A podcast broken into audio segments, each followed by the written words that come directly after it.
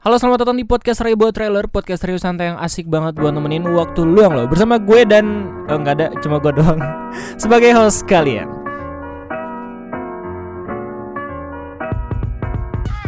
Oke, halo sobat gabut, halo sobat mager. Gue udah ngomong ini sampai hampir dari 20 kali Karena gue selalu mengulang-ulang recording gue entah kenapa gue menjadi seseorang yang perfeksionis seseorang yang nggak pengen apa ya uh, beberapa menit ke depan gue langsung tiba-tiba stuck gitu langsung ngeblank. Gue pengen uh, sekaligus satu rekaman itu langsung jadi jadi gitu satu podcast. Jadi makanya gue kayak kalau misalnya ada kesalahan yang ngebuat gue kayak bengong abis itu anjing gue ngomongin apa ya? Abis itu gue diem. Langsung gue ulang recordingnya gitu. Gue gak pengen lu semua kecewa dengan apa yang uh, uh, apa yang lagi gue bawakan oke? Okay? nah sekarang juga udah mulai rada-rada ngeblank nih kampret. Dan di episode pada kesempatan kali ini gue bakal ngobrolin tentang sesuatu pembodohan yang sebenarnya nggak harus lu tahu.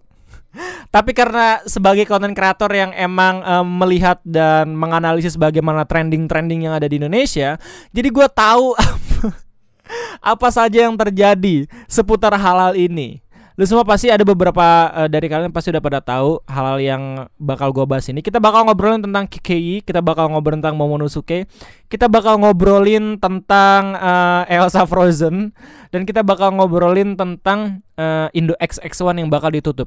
Dan mungkin bonusnya gue bakal ngobrolin tentang hashtag Twitter yang rada kurang jelas untuk uh, tanggal 28 Desember ini yaitu bokep terbaru. Maksud gue kok bisa gitu hashtag bokap terbaru masuk ke dalam trending topik maksud gue kayak ini kreator kreatornya gimana ini? Gimana ceritanya hashtag yang seperti ini hashtag yang yang didukung oleh Menkominfo ini? Yang lo tau Menkominfo itu ada akun Pornhubnya goblok banget anjir. Itu siapa yang buat anjay?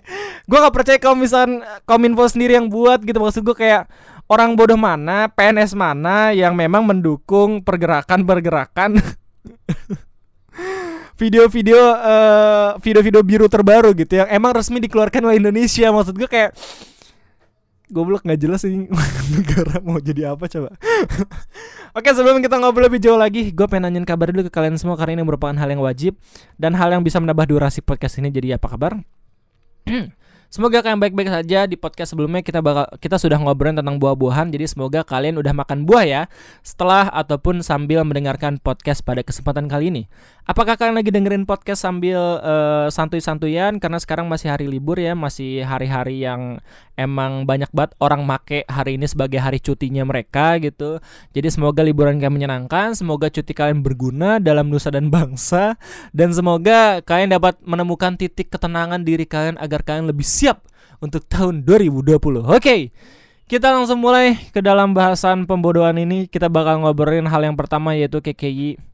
Buat lu semua yang nggak tahu, KKI itu adalah seorang beauty vlogger yang low budget ya. Ya low budget maksud gua kayak orang Indonesia kayaknya udah terkenal gara-gara low budgetnya deh. Setiap kali ada trailer Marvel atau DC, orang Indonesia pasti buat low budgetnya.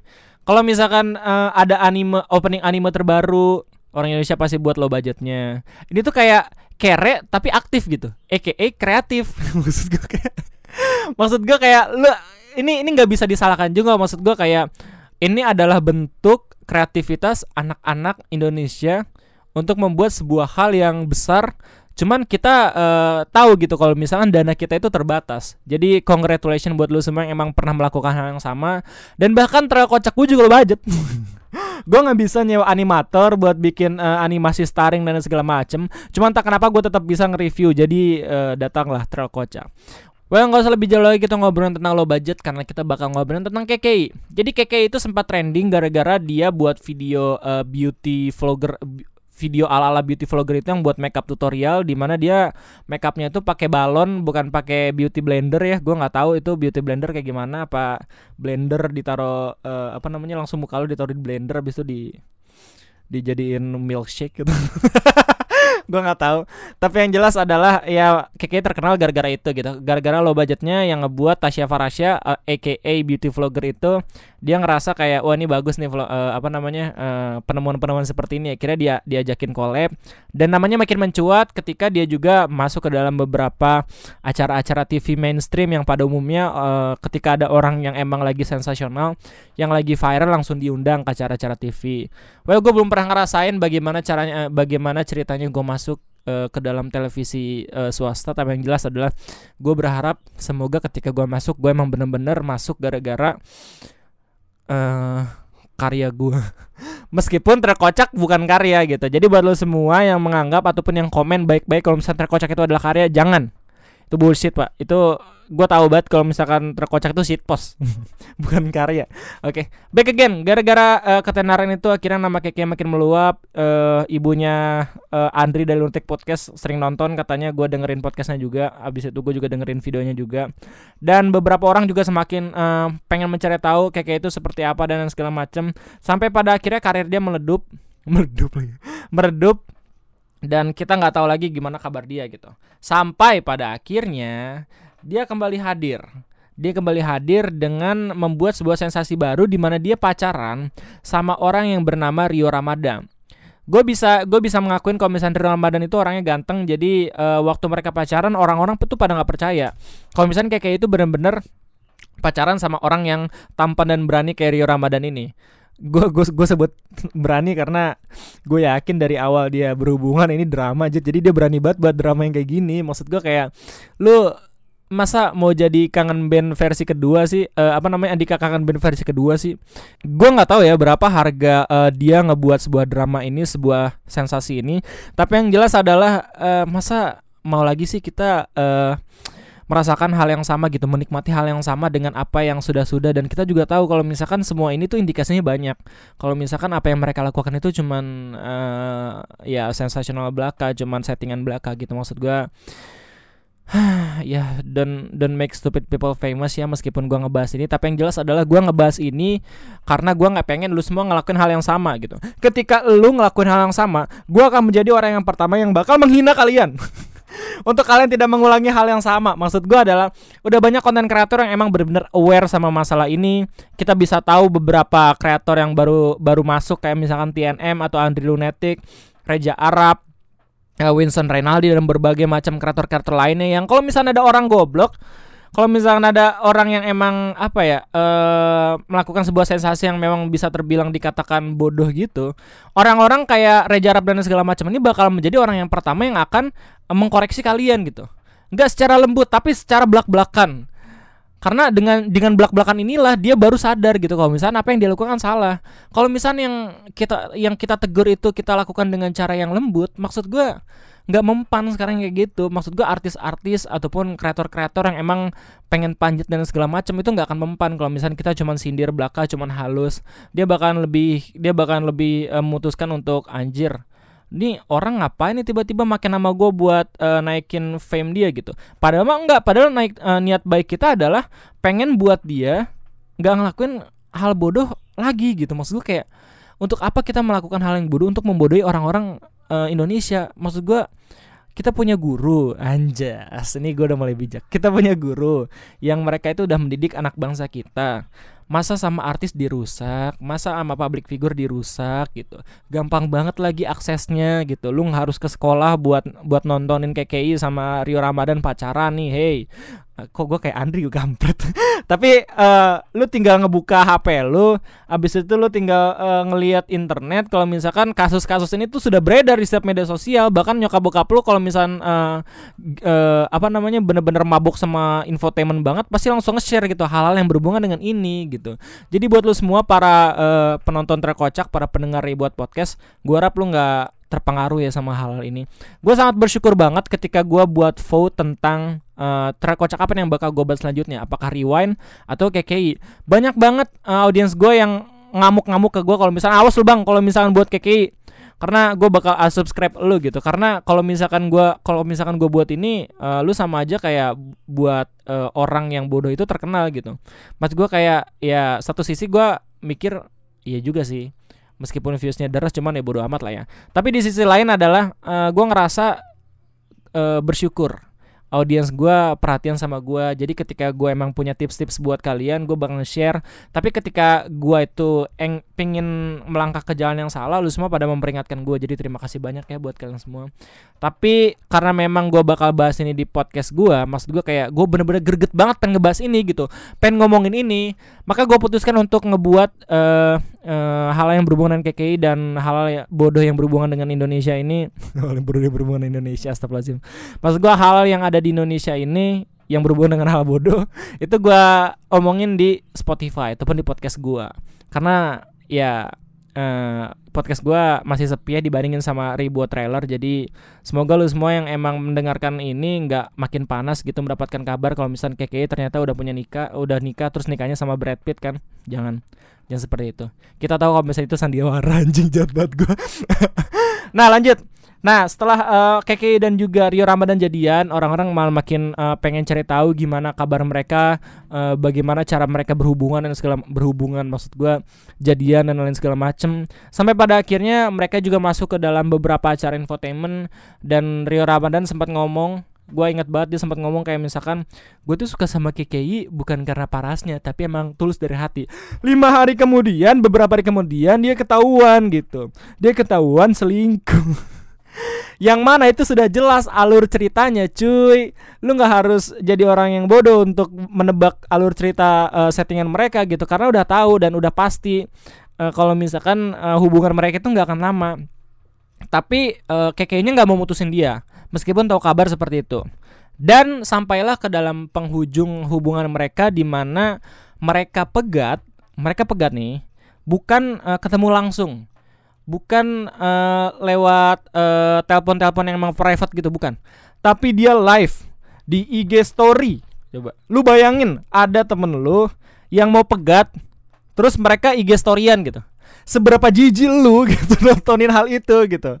Maksud gua kayak kalau misalkan hubungannya itu emang benar-benar hubungan yang serius, hubungan yang memang uh, memiliki banyak kenangan, pasti mereka nggak akan ngakuin hal itu gitu. Tapi untuk hubungan yang memang ketahuan banget settingan, bahkan ketika si keke sebelum ngobrol itu ada orang yang menginstruksikan kalau misalkan dia dua itu harus ngomong apa, itu hal yang aduh gua ngapain ngelakuin hal ini tuh ya pun ya Allah tobat Gusti Agung ya Allah ngapain ngelakuin hal ini maksud gua settingan tuh settingan aja cuman jangan terlalu uh, obvious lah obvious lagi. Jangan terlalu terlihat lah settingannya. Andika Kangen Band dia buat settingan pacaran sama orang-orang yang terkenal sama artis-artis ataupun uh, cewek-cewek yang cantik gitu dan segala macem. Itu dapat uh, budgetnya bisa sampai ratusan juta gitu. Gue nggak tahu ini settingan ini berapa banyak dia dapatnya gitu. Apa mungkin hanya logo verified Instagram doang kata anti TNM gitu kan kita nggak tahu. Tapi maksud gue kayak kalau misalkan uh, Rio Rio Ramadan sempat ngomong kan kalau misalkan uh, kalau misalnya ini semua settingan kenapa gue harus milih KKI itu itu adalah argumen terbodoh karena mungkin aja diri lu sendiri itu hanya cukup untuk uh, membuat settingan bersama KKI gitu. Kayak uh, janganlah ya jangan jangan ngelakuin hal ini gitu buat kalian semua yang emang pengen jadi artis yang pengen jadi konten kreator yang emang pengen buat sensasi di di internet dan segala macem. Gue udah mulai uh, mencium bumbu-bumbu drama discord nih karena pada dasarnya gue baru mulai banget main discord. Terus gue juga ikut ke dalam dua server dan di dua server itu kayaknya rada slack satu sama lain sesama moderator dan juga pengurusnya. Jadi maksud gue ya janganlah jangan uh, ngerugin diri lu sendiri dengan membuat sebuah hal yang memang tidak bisa lu kendalikan gitu. Entah itu emosi dari pasangan lu emosi dari uh, penonton lu dan segala macam oke? Okay? karena gue belajar dari filosofi stoa. Kita harus membedakan kita harus memisahkan mana yang emang urusan yang bisa kita urus dan urusan yang tidak bisa kita urus oke? Okay? dengan memisahkan hal itu kita bisa berdamai dengan diri sendiri asing itu adalah kasus yang pertama yang udah kita bahas. Masih ada beberapa kasus lain dan kasus yang kedua ini gue harus sangat berhati-hati karena gue bakal ngobrolin soal Momonosuke. lu tahu, lu tahu, lu tahu pasti. Gue tahu, lu semua pada tahu hal ini karena ini adalah berbau-bau. Jadi ceritanya adalah uh, Ruben Once itu memiliki anak angkat yang yang namanya nggak akan gue sebut karena itu bakal menjadi uh, pencemaran baik kata uh, Mas Rubennya sendiri. Gue bakal ngasih inisial Momonosuke aja kalian namanya Momonosuke. Nah, jadi sikap Momonosuke ini terbilang sikap yang tidak biasa gitu dengan anak-anak angkat yang lain. Maksud gue maksud gue adalah uh, bukan penontonnya aja yang merasa aneh gitu, tapi teman-temannya Rubennya sendiri ngerasa kurang kurang apa ya kurang serak gitu kalau misalnya anak angkatnya Ruben ini melakukan hal-hal yang berada di atas ataupun di luar batas kewajaran. Maksud gue lu dengar kabar kan kalau misalnya Momonosuke ini katanya uh, dia itu mengkonsumsi ASI uh, asinya Sarwenda gitu. Maksud gua kayak uh, mereka itu kan bukan berhubungan darah satu sama lain meskipun alasannya itu cukup membuat sedih Sarwenda dan juga Ruben katanya dia belum pernah nyobain ASI sama sekali. Makanya uh, dikasihlah ASI tapi dalam bentuk botol ya, bukan langsung gitu. Kalau misalnya langsung wah parah sih itu. Maksud gua kayak ah itu harus dicurigai itu. Tapi yang jelas adalah uh, dengan ada kabar-kabar seperti itu netizen makin makin apa ya, makin ngerasa kurang kurang nyaman gitu dengan ada kabar-kabar yang berhubungan dengan uh, anaknya Ruben ini. Yang jelas adalah gua harap semoga udah nggak ada kabar lagi tentang mereka. Gua harap mereka itu uh, hidup normal seperti keluarga pada umumnya. Gua harap niat Ruben niat Ruben yang baik ini dengan mengangkat uh, anak mengangkat anak angkatnya ini dapat apa ya dapat diberkahi dengan sesuatu yang lebih baik lagi. Oke okay? bukannya dengan kasus-kasus seperti ini. Well itu adalah kasus kedua. Gue nggak pengen ngebahas lebih lanjut karena kalau misalnya gue ngebahas lebih lanjut gue bakalan masuk bui. Gue ketemu sama Erik. Tidak saya tidak mau itu. Dan yang ketiga adalah kita bakal ngebahas tentang Indo XX1 ditutup. Ya Indo XX1 website yang uh, menyelamatkan para mahasiswa dari sebuah uh, kestresan ataupun dari sebuah kehancuran mental mereka pada saat zaman zamannya kuliah termasuk gue sendiri. Jujur uh, gue nggak terlalu kaget gitu. Bukan gak terlalu kaget jadi gue nggak terlalu terpengaruh dengan kabar ini karena pada dasarnya gue udah uh, langganan Netflix sama juga iFlix tapi ya untuk orang-orang yang emang masih membutuhkan Indo XX1 sebagai website yang emang menyediakan film-film berkualitas, gua rasa akan sangat wajar kalau misalnya kita semua itu sedih bahwa Indo XX1 itu harus tutup. Meskipun kalau misalnya lu tahu, kalau misalnya lu pengen tahu keuntungan dari si developer websitenya ini dalam menyediakan film-film ilegal ini itu gede banget pak, bukan bukan jutaan, bukan puluhan jutaan tapi ratusan jutaan. Itu gua tahu dari dosen gua sih. gua nggak tahu gimana kelanjutan, gimana gimana sistem keuangannya mereka, tapi yang jelas adalah manfaatnya itu benar-benar uh, banyak lah untuk kita kita semua kaum kaum miskin miskin dan miskin wati untuk uh, untuk merasakan bagaimana film-film berkualitas itu ada dalam monitor kita ataupun ada dalam genggaman kita gitu. Tapi lu mungkin pasti bakal bertanya ke gue Bang Ray, kebodohannya sisi kebodohannya di mana dengan hilangnya Indo XX1-nya ini? Sisi kebodohannya adalah para warga Twitter itu dengan berani menunjukkan kesedihan mereka dan nge-tweet uh, kesedihan mereka itu ke publik maksud gue kayak kalau misalnya pemerintah lihat kalau misalnya Densus 88 lihat kalau misalnya Kominfo lihat lu bakal ditandai sebagai warga yang uh, sebagai warga yang tidak taat aturan hukum sebagai warga yang tidak taat aturan resmi dan sebagai bibit-bibit teroris lu bakal dicap anjir nih orang nih oh ini dia penonton penonton yang nih kita tandain oke okay? ini mungkin beberapa tahun ke depan dia bakal jadi uh, join ISIS anjing. Kayak bercanda. Tapi di sini adalah yang jelas Uh, kalau misalnya emang kita pengen uh, menunjukkan kesedihan kita tentang website ini, maksud gue cukuplah kita untuk uh, ngomong ngomongin nggak di media sosial, tapi di beberapa di beberapa obrolan kalau misalnya kita ngomong ataupun lagi nongkrong sama orang ya gitu, aja gitu, nggak harus kita publik. Maksudnya kan setiap kita publik hal itu dan Twitter ngedetek setiap tweetnya kita, itu kan bakal jadi trending topik gitu trending topik YouTube, Twitter dan Instagram itu beda. Maksud gue kayak kalau misalkan Twitter itu emang benar-benar ini kan crowd base uh, crowd base system gitu kan. Maksud gue kayak uh, apa pun yang lu tweet itu lu bakalan menyumbang uh, beberapa kata untuk menjadi sebuah trending topik gitu. Beda dengan YouTube yang notabene sistem views, Instagram sistem like dan segala macam, lu bisa mengatur hal itu. Tapi yang berhubungan dengan sesuatu yang kita curhatkan uh, terutama di Twitter itu berbahaya sekali jika kita jika kita secara berani uh, nge-tweet sesuatu yang memang berbau-bau ya berbau-bau ilegal dan lain segala macam gitu. Tapi yang jelas gue juga nggak mau munafik, gue juga merasa kehilangan dengan adanya website itu uh, gua harap uh, si admin sendiri uh, tahu apa yang dia lakukan ke depannya mau jadi apa gitu. Kayaknya dia udah punya investasi deh dari keuntungan website itu dah. Gua gua gua, gua penasaran soalnya penghasilan mereka penghasilan dia berapa gitu. Gua mungkin terlihat seperti uh, orang yang memang mata duitan tapi yang jelas ada itu gede pak untungnya. Itu nggak nggak puluhan juta itu nggak rat, ratusan juta kayak bi bisa bermiliaran. Maksud gua kayak itu websitenya banyak apa namanya iklannya banyak. Setiap kali lu pengen download itu ada ada pop upnya itu tuh itu tuh iklan yang sekali pop up lima ribu sekali pop up lima ribu gitu. Dan gak cuma satu sepuluh orang yang ngunjungin website itu tapi banyak banget.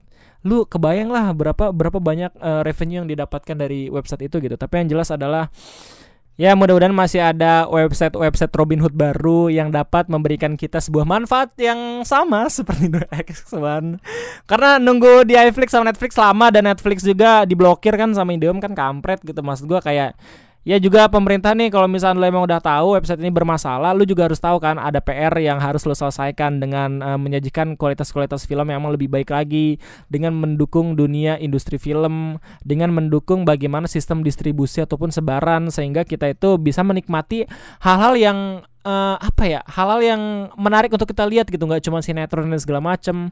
Toh permudah permudahkanlah juga apa namanya birokrasi di mana kita itu bisa menonton film-film berkualitas di TV kayak gue kalau misalnya udah uh, eh, SMP ke atas itu gue udah nggak nonton sinetron lagi.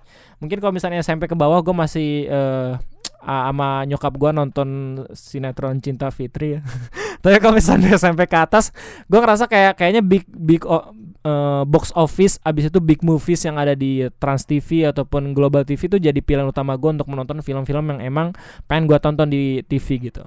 Jadi semoga dengan hilangnya Indo XX1 ini kita semakin lebih mudah untuk mendapatkan uh, akses film uh, resmi yang lebih baik gitu, yang lebih cepat dan yang lebih uh, dan yang lebih simple gitu kita dapatkan. Well, itu adalah uh, kasus ketiga yang udah kita bahas. Masih ada satu kasus lagi yaitu Elsa Frozen. Ya, uh, seseorang yang bernama Elsa itu ketahuan, bukan ketahuan sih jatuhnya. Dia itu uh, dengan bangga memperlihatkan dirinya nge-vape di gerbong KRL. Dan di videonya itu dia ngelihat uh, ngasih lihat ke kita dulu, yo ini dilarang merokok langsung. Maksud gue otaknya udah udah ini tuh udah masuk ke dalam asap-asap yang dia keluarkan gitu. Gue nggak tahu dia dia dia, dia uh, abis selesai ngegele atau gimana, tapi yang jelas adalah bodoh. Ngapain sosok sosok edgy ngapain sosok keren ngapain sosok gaul kalau misalkan yang lu lakukan adalah melanggar aturan. Gue udah bilang sebelumnya ada orang-orang kayak Eno ada orang-orang kayak Reja ada orang-orang kayak Winston dan ada orang-orang yang memang aware banget soal hal-hal yang kayak gini soal hal-hal kebodohan yang bakal uh, yang mungkin aja bakal dilakuin sama orang-orang Indonesia lainnya gitu. Janganlah buat lu semua janganlah ngelakuin hal itu gitu ada gue yakin gue gue tahu banget audiens gue itu nggak semuanya umur 18 tahun ke atas ada juga yang SMP SMA jadi buat lo semua yang emang udah mendengarkan podcast ini, gue tahu selera lo udah baik dengan cara uh, betah dengan apa yang kita obrolin sampai sekarang. Tapi ya mudah-mudahan dengan adanya kasus-kasus yang lain seperti ini kayak vape di gerbong kereta, terus ada juga bapak-bapak yang rokok, pada udah diliatin petugasnya, tapi dia tetap nggak nyaut, dia kayak loading screen tuh nggak kayak uh, manusia-manusia yang lain tuh udah OS ini ya, udah OS Windows 10, dia masih Windows XP gitu. Jadi waktu waktu ditegur tuh dia masih ting ning ning ning gitu. kayak aduh ada aja gitu. Gua nggak tahu nih minggu depan bakal ada apa lagi yang menimpa Indonesia apalagi yang bisa membuat kita ngerasa uh, face palm gitu yang membuat kita geleng-geleng kepala. Tapi yang jelas adalah hal ini merupakan hal yang tidak boleh ditiru oke? Okay? gue hampir aja melakukan hal ini uh, hampir aja gue melakukan hal ini uh, waktu gue waktu ke CCM gue bukan nyemok di ini ya bukan nyemok di ruangan non smoking area bukan. Gue ngelakuin kayak gue pengen nginjak rumput tapi karena gue tahu gue anak meteorologi akhirnya tidak tidak tidak melakukan hal yang bodoh. Tapi ada aja orang yang ngelakuin hal itu gitu. Kata gue aduh. Gue susah payah ya e, menjaga diri gue untuk tidak melakukan hal-hal bodoh seperti itu. Tapi ada aja yang merusak hal itu gitu. Jadi janganlah ya para pendengar e, Raybuat podcast ini melakukan hal-hal bodoh. Jadi empat itu Elsa Frozen, KKY, Momonosuke dan juga Ino XX1 itu empat halal yang bisa kita simpulkan bahwa ya dengan melakukan hal yang bodoh karena kan trending dan viral. Jadi kalau misalnya kayak mau terkenal lakuin aja hal yang bodoh gitu ngesit post gitu. Nggak ngesit post itu bukan ngesit post lu buat postingan yang bagus yang hasil lu belajar tapi ya karena lu nggak tahu pengen buat apa jadi buat random. Bukan bukan sit post itu. Tapi sit post sit post tentang hidup lu gitu. Lu lu pengen ngelakuin sesuatu yang bodohnya bodoh banget gitu. Yang orang-orang nggak nggak pengen ngelakuin hal itu tapi lu lakuin hal itu gitu. Itulah sit post uh, versi uh, barber. Sit post versi uh, menjadi seorang yang bakal diundang di acara-acara TV. Oke, kita nggak tahu apakah Elsa Frozen ini bakalan diundang lagi di TV, tapi yang jelas adalah kita jangan uh, mencontoh hal-hal yang seperti itu. Dan mungkin itu aja podcast pada kesempatan kali ini. Well, uh, podcast ini sepertinya banyak banget jedanya dan banyak banget uh, hal yang harus gua potong karena memang gue juga agak terbata-bata ngomongnya lu juga pasti bakal uh, ngerasain hal yang sama dengan apa yang gue omongin tadi tapi yang jelas adalah gue ngebuat ini dari hati dan gue ngebuat ini hanya untuk membuat kalian lebih aware lagi dengan hal-hal yang bodoh yang bakal uh, terjadi lagi ke depannya gitu. Jadi buat lo semua, gue yakin lo itu orang-orang yang cerdas lu semua itu orang-orang yang tahu bagaimana eh, hal-hal uh, yang harus lu uh, kerjakan dan mana hal-hal yang emang lu harus hindari gitu. Jadi uh, eh, gue masih belum sebijak podcaster-podcaster pada umumnya dan gue juga masih belum terlalu lancar ngomongnya sama seperti podcaster-podcaster lainnya. Tapi yang jelas adalah gue berusaha untuk menjadi podcaster yang lebih baik. Gue pengen gue juga bisa ngobrol lebih santuy, ngobrol yang bisa didengar sama lu dengan nyaman. Biar lu tuh nggak cuman tidur gitu. Habis dengerin gue 5 menit kemudian tidur gitu. Jangan jangan kayak gitu pak. Sakit hati gue tapi kata Segi dengan dengan gue ngobrol dan ngebuat lo tidur itu kayak omongan lo itu ataupun suara itu ngebuat orang itu nyaman gitu. Asik. Jadi ya berbanggalah diri dulu ya. Sebelum menjatuhkan diri lagi ke dalam fakta bahwa emang bahasan gue kurang menarik Tapi yang jelas terima kasih banyak buat kalian semua yang udah mendengarkan podcast hingga menit-menit terakhir seperti ini. Gue bener-bener mengapresiasi. Jadi buat kalian semua yang memang pengen uh, di notice sama gue, pengen ngobrol-ngobrol sama gue, lu bisa langsung ngobrol di Instagram gue di @rairesfozi. Mohon maaf kalau misalnya gue nggak bisa uh, ngebalasin semua DM lu satu-satu karena banyak juga yang uh, apa namanya nge-DM gue. Ya uh, ini sih resiko. Asik.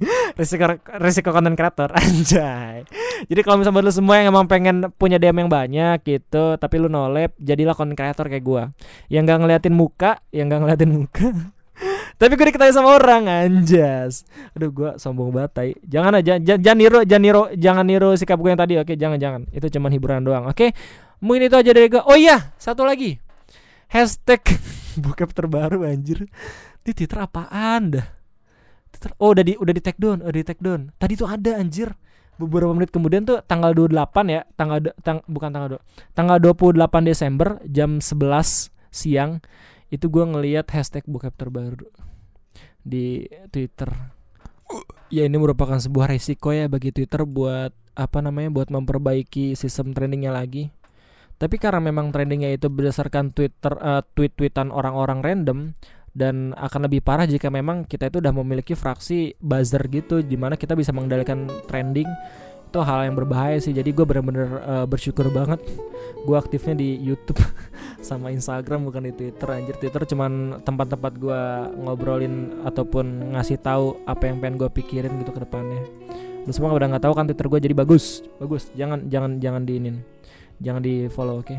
jadi itu aja mungkin gue terima kasih karena udah mendengarkan podcast gue sampai detik terakhir ini. Gue sangat berbangga hati memiliki audiens yang keren-keren kayak kalian semua. Jadi jangan lupa untuk nge-share. Dan itu aja mungkin dari gue terima kasih dan sampai jumpa